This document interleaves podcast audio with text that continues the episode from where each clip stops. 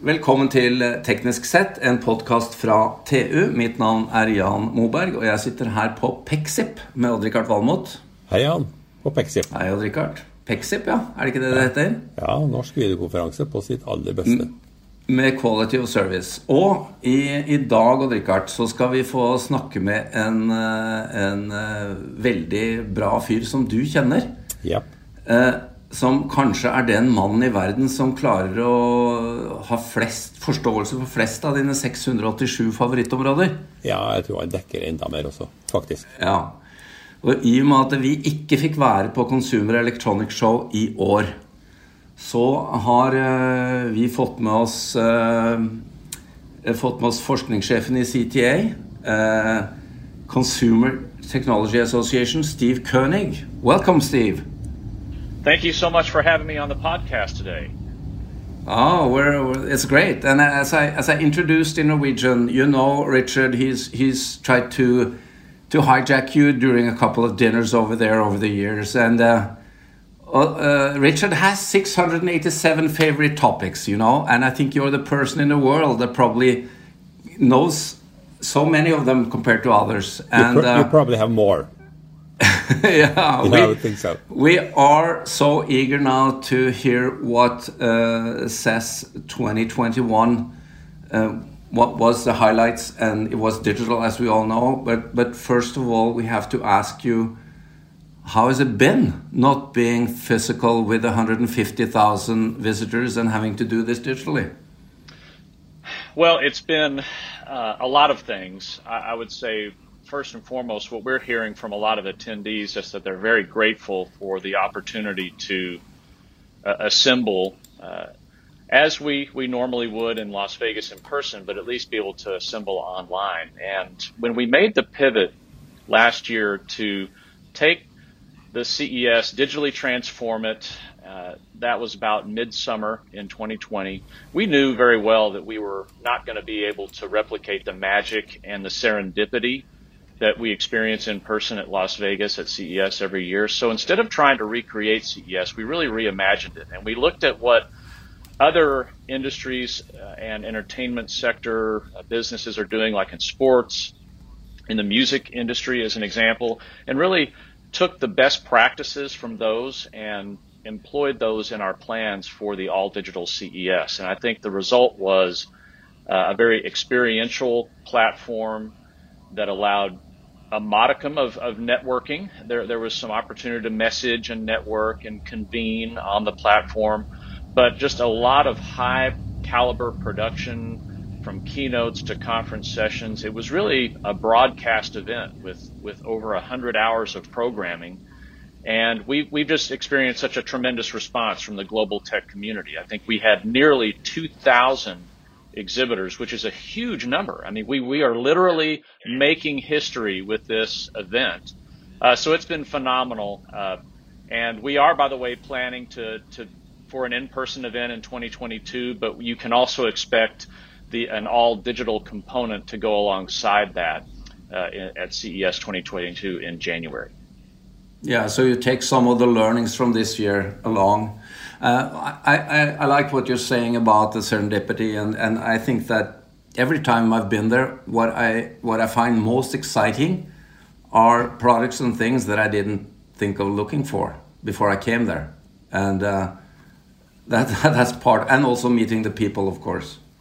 Yes, that's that's one of the perennial things that that we so much enjoy are the chance to convene, connect, and collaborate with, with friends from around the world, the global tech community, uh, and those those amazing wow uh, whoa moments, uh, discovering something that we never expected to see. And, and I'm pleased to say that even though it was all digital, the the the CES 2021 was very congruent with all those things. Uh, I myself found a lot of products that I was like, whoa, I, I wouldn't have expected that. Uh, in addition to just uh, topping up really our understanding uh, of so many different technology uptrends.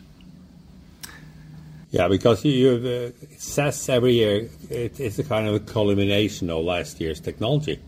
And people want to exhibit, and they have to do it digitally. So I've seen many of those this year even though I haven't been there.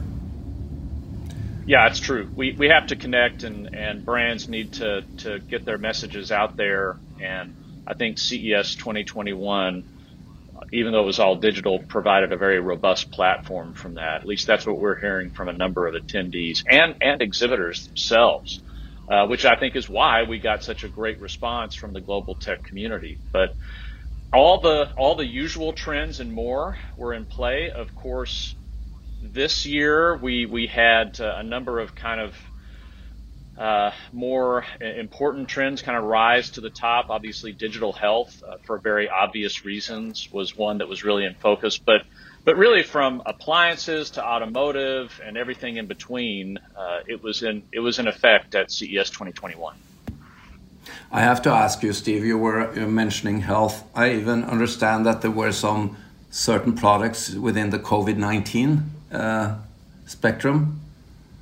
Well, it's true, and maybe as we begin our examination of some of the the major trends of the show and kind of fly over CES from a trends perspective, uh, health is a great place to start. And you're exactly right. There was a, a number of innovations with uh, whether it was disinfecting technologies, a lot of UV light systems from commercial robots to handheld UV lights that could disinfect surfaces in the home or on the go uh, a lot of advanced mask technology as well that uh, provide robust filtration uh, and safety from an air quality standpoint, but also allow more normal breathing, which I think something is ever, all, all of the listeners can relate to, you know, having to wear this mask, it kind of constrains your breathing.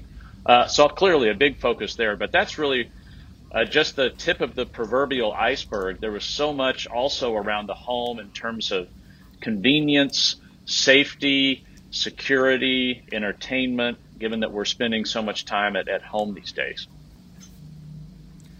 I always enjoy, and I have to say, the, the most exciting moments for me during the last couple of years have been seeing these enormous air taxis, the, the autonomous systems from Hughes and uh, Hyundai and Bell. Uh, and it, it, just gives from what you're saying from the health and the mask and up to these big basically helicopters are they it, is this is the breadth of this of the um, the scope of technology still as, as, as wide? Well sure. Well getting into transportation i think what was interesting at ces 2021 is we saw a number of trends advance and the conversation around transportation and mobility really expand. And, and you're right, flying cars, we saw this at 2020, but we saw even more as we expect. And as Richard noted, it's like, it's like we add on top every year to so many of these trends. Uh, but uh, the, the air taxis and so forth, it was it's it, what's ironic in transportation these days is on the one hand there's not a lot happening because we're not mm. traveling a lot, but there is actually quite a bit happening uh, with transportation, and we're starting to see innovations addressing that next mile. So these air taxis, uh, GM had some concepts. A lot of these are very early designs. We're, we're years away from from commercial deployment, but really the, in transportation, the that's one of the key trends. I mean, think looking forward as we expect. What do we expect in the future? Is, are these air taxis? They're all electric, but electrification, I would really put at the salient of automotive and mobility and transportation trends. GM had a great keynote. They announced their plans for an all electric future. They, they introduced more than just cars. They had uh, what they, this new logistics platform they call BrightDrop, which has autonomous pallets for the warehouse, and then more. EV600 is the model for these electric delivery vans. And here in the United States, FedEx has uh, put in an order for the first 500 of those electric delivery vans. So uh, things are happening quickly with electrification. We saw a number of charging systems. Again, just as Richard said earlier, you know, it's we, we top up these trends and more and more competitors move into the space. Uh, but beyond that, in transportation, I want to just mention that we've been talking about self-driving vehicles for, for a long time.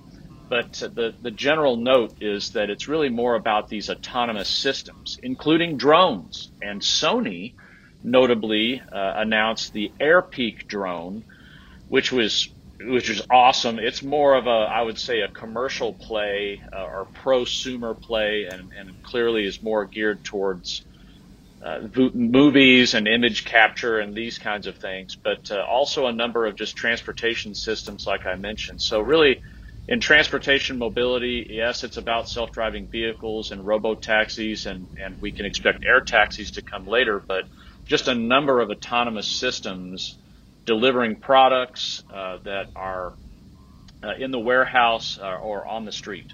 Yeah, as you probably know, we uh, we are almost at 60% uh, battery-operated vehicles in new sales now. So we we have something to brag about here as well. But it wouldn't have happened if companies like Tesla hasn't started up and shown the way. Yeah, Norway is certainly at the vanguard of just, I think, penetration of electric vehicles, and it's an incredible story. When I've been there in Oslo, I have been amazed at just the number of, of electric vehicles on the streets. I mean, we, of course, we have them here where I live in the DC metro area. Mm-hmm. We see, you know, a lot of Teslas driving around, but yeah, you guys are right at the forefront of this, and it's amazing to see.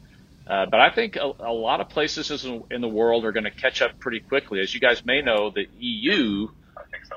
Yeah, yeah, the EU put forward some some uh, energy efficiency provisions that are widely believed uh, to to really advance more EV sales. So this is going to happen and play out over several years. But I think certainly over the next five years, most of the new vehicles on sale will be electric and possibly you know up to a half of, of drivers around the world will be either driving or expecting to buy soon an electric vehicle.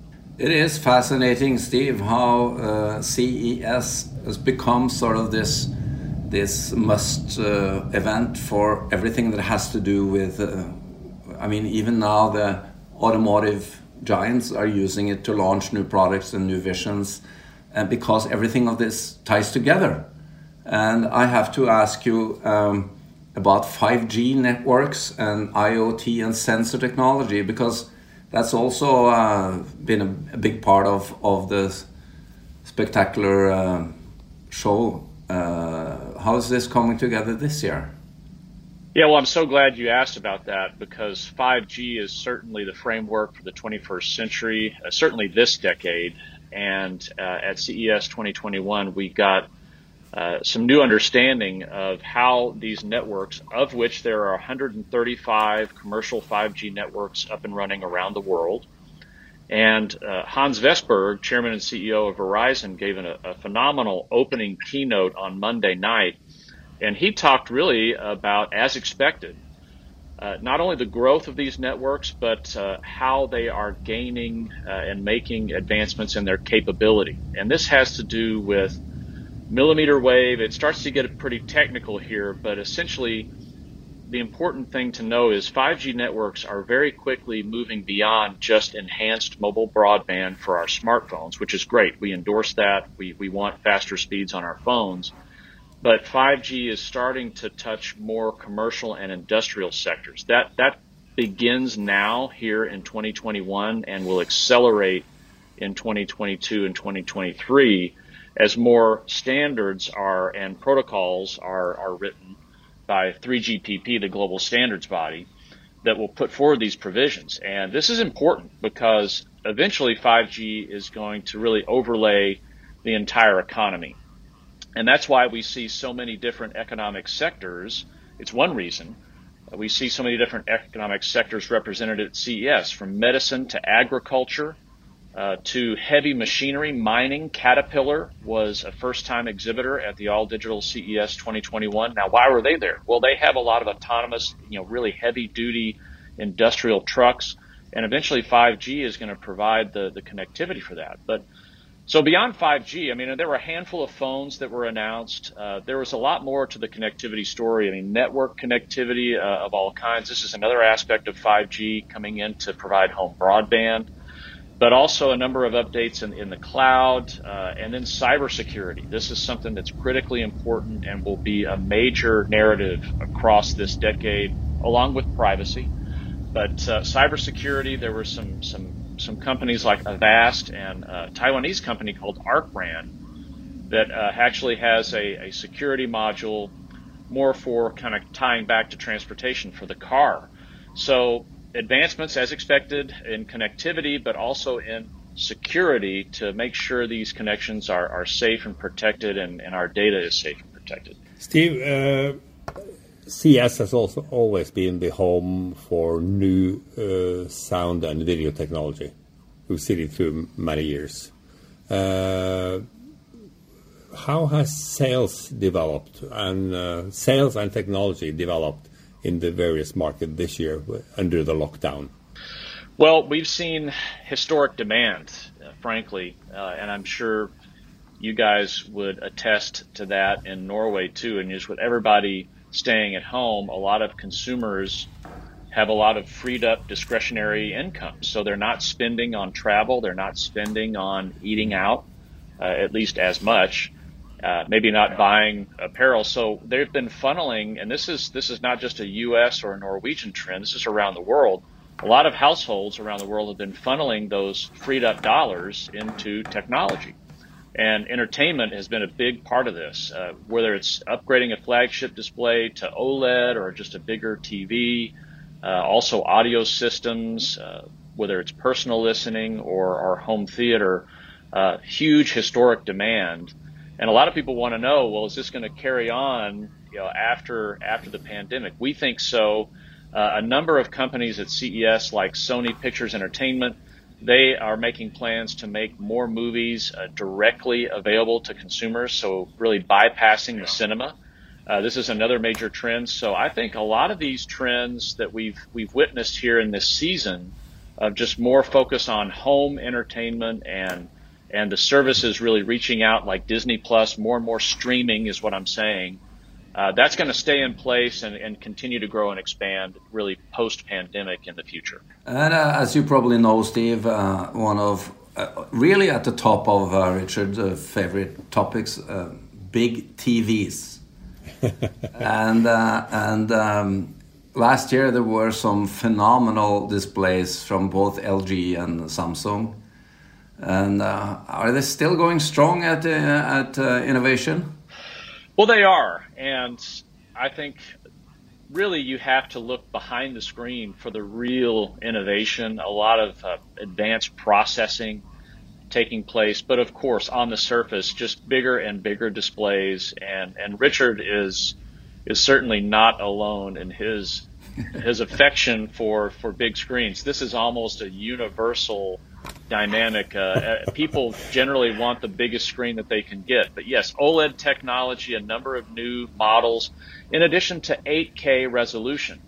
And this is something that is typically, I think, at least now, and I, I would expect to mostly in the future, be more of a big screen technology. Right now, it's very much a premium feature, but more more players uh, in that space uh, offering more competition, so that that could drive down prices but yeah, big screen TVs. That's a that's an annual endeavor at CES is to check out all the new display technology, and, and CES 2021 had a lot to offer.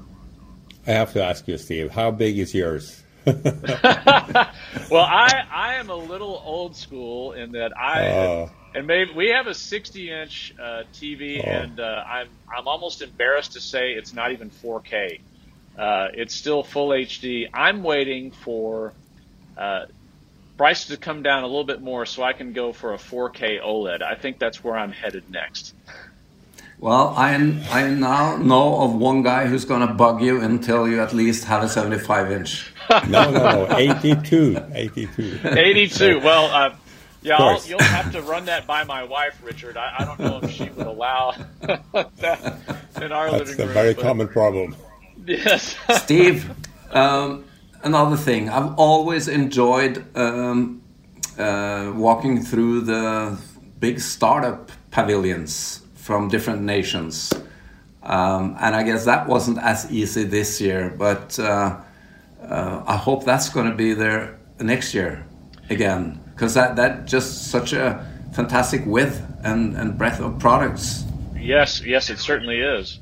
And you're describing Eureka Park at at the CES in Las Vegas that, that normally brings forward uh, oh, a couple of thousand startups from around the world. But I'm, I'm pleased to say that that there was uh, an earnest measure of startup innovation at the All Digital CES 2021.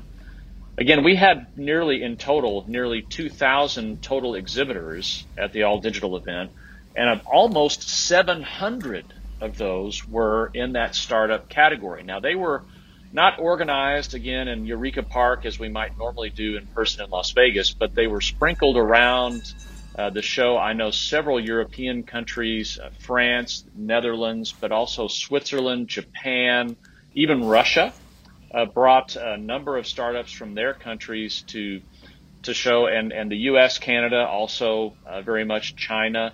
Uh, in addition to that, so yeah, there was a strong startup presence, and to be honest, I have only started to really scratch the surface uh, of of that arena of innovation. I know some of those companies uh, they've been, maybe been around for for a couple of years, so I've got a few like Hydraloop is, is one uh, that uh, recycles gray water. They're a Dutch company, Dutch startup.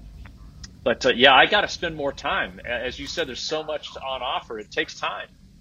It takes time, but I guess the uh, the um, interest from investors and industrial uh, cooperators aren't aren't slowing down during these times. No, in fact, I think a lot of investors are, are leaning in, and certainly CTA, Consumer Technology Association, the owner and producer of CES, you know, that's who I work for, CTA. Uh, we ourselves have uh, invested $10 million uh, uh, in in a couple of different uh, VC firms uh, that are, are are funding, and a lot of this has to do with either minority or women-owned businesses uh, to really support diversity and inclusion efforts. Uh, it's something we take very seriously. But yes, I think I think globally, in the the VC community, uh, it's maybe pivoted in terms of the focus areas, like we've been talking about with so many of these trends. But yes, I think the investment portfolio is still robust for, for tech startups. Steve, uh, we have to uh, to let you go. You have other things you have to do today, uh, of course. But uh, we still have a couple of months in uh, in isolation, and uh, before the vaccines are rolled out and we can be out on the street again. What can we expect out of CES 2022? We need something to look forward to. Well, and I I think I can I can happily say that we are again planning for an in-person event in Las Vegas uh, in January with the CES for 2022. We've already been selling space for that event, and we have a new hall, West Hall, coming online. Uh, that that that work was completed uh, last year, so that's exciting. Uh, an entirely new exhibition venue uh, will be on offer, and I'm sure we'll fill it up with a lot of amazing innovations and tech companies. But I also want to mention that, you know, just in case, but just certainly we've seen such a tremendous response to the all digital CES uh, here in 2021. We will continue to offer that all digital component uh, as a complement or an option for for attendees that, that maybe cannot or, or really don't want to travel just yet. Uh, they'll be able to take in the show as they did in 2021 and it's all digital format. But we're very hopeful that we can reassemble and gather uh, the global tech community in Las Vegas uh, as we normally would uh, in 2022 with with with the full understanding that it probably won't be everything that it was pre-crisis. It's going to maybe take some time uh, to get back to that point, but nonetheless, the irony in this season with all these virtual and digital events is that it's really underscored the importance of of important uh, in-person events and face-to-face mm-hmm. meetings. And so we're we're very uh, optimistic that if uh, the health crisis, if the vaccines, like you said, are in place, that we can safely gather back in Las Vegas in January 2022 for the CES. I think we'll go for the analog version next year, Jan yeah, I, I, hope so. Uh, yeah. Really hope so. And we hope to see you there, Steve. Thank you so much for joining us and sharing uh, uh, all about 2021. It's been my pleasure and much success to you both in 2021. Dersom du ønsker å konsumere enda mer innhold fra oss i TU.no og Digi.no, anbefaler vi at du blir abonnent. Det vil gi deg tilgang til alt vårt innhold innen energi, elektrifisering, forsvar, fly, samferdsel, byggenæring, industri, maritime næringer, karriere og mye, mye mer fra vår kyndige redaksjon. Du vil da også få tilgang til alle sakene Odd-Rikard skriver om sine 687 favorittområder. Vi har også egne avtaler for bedriftsabonnement, og, som om ikke det var nok, medlemmer av Nito og Tekna får halv pris.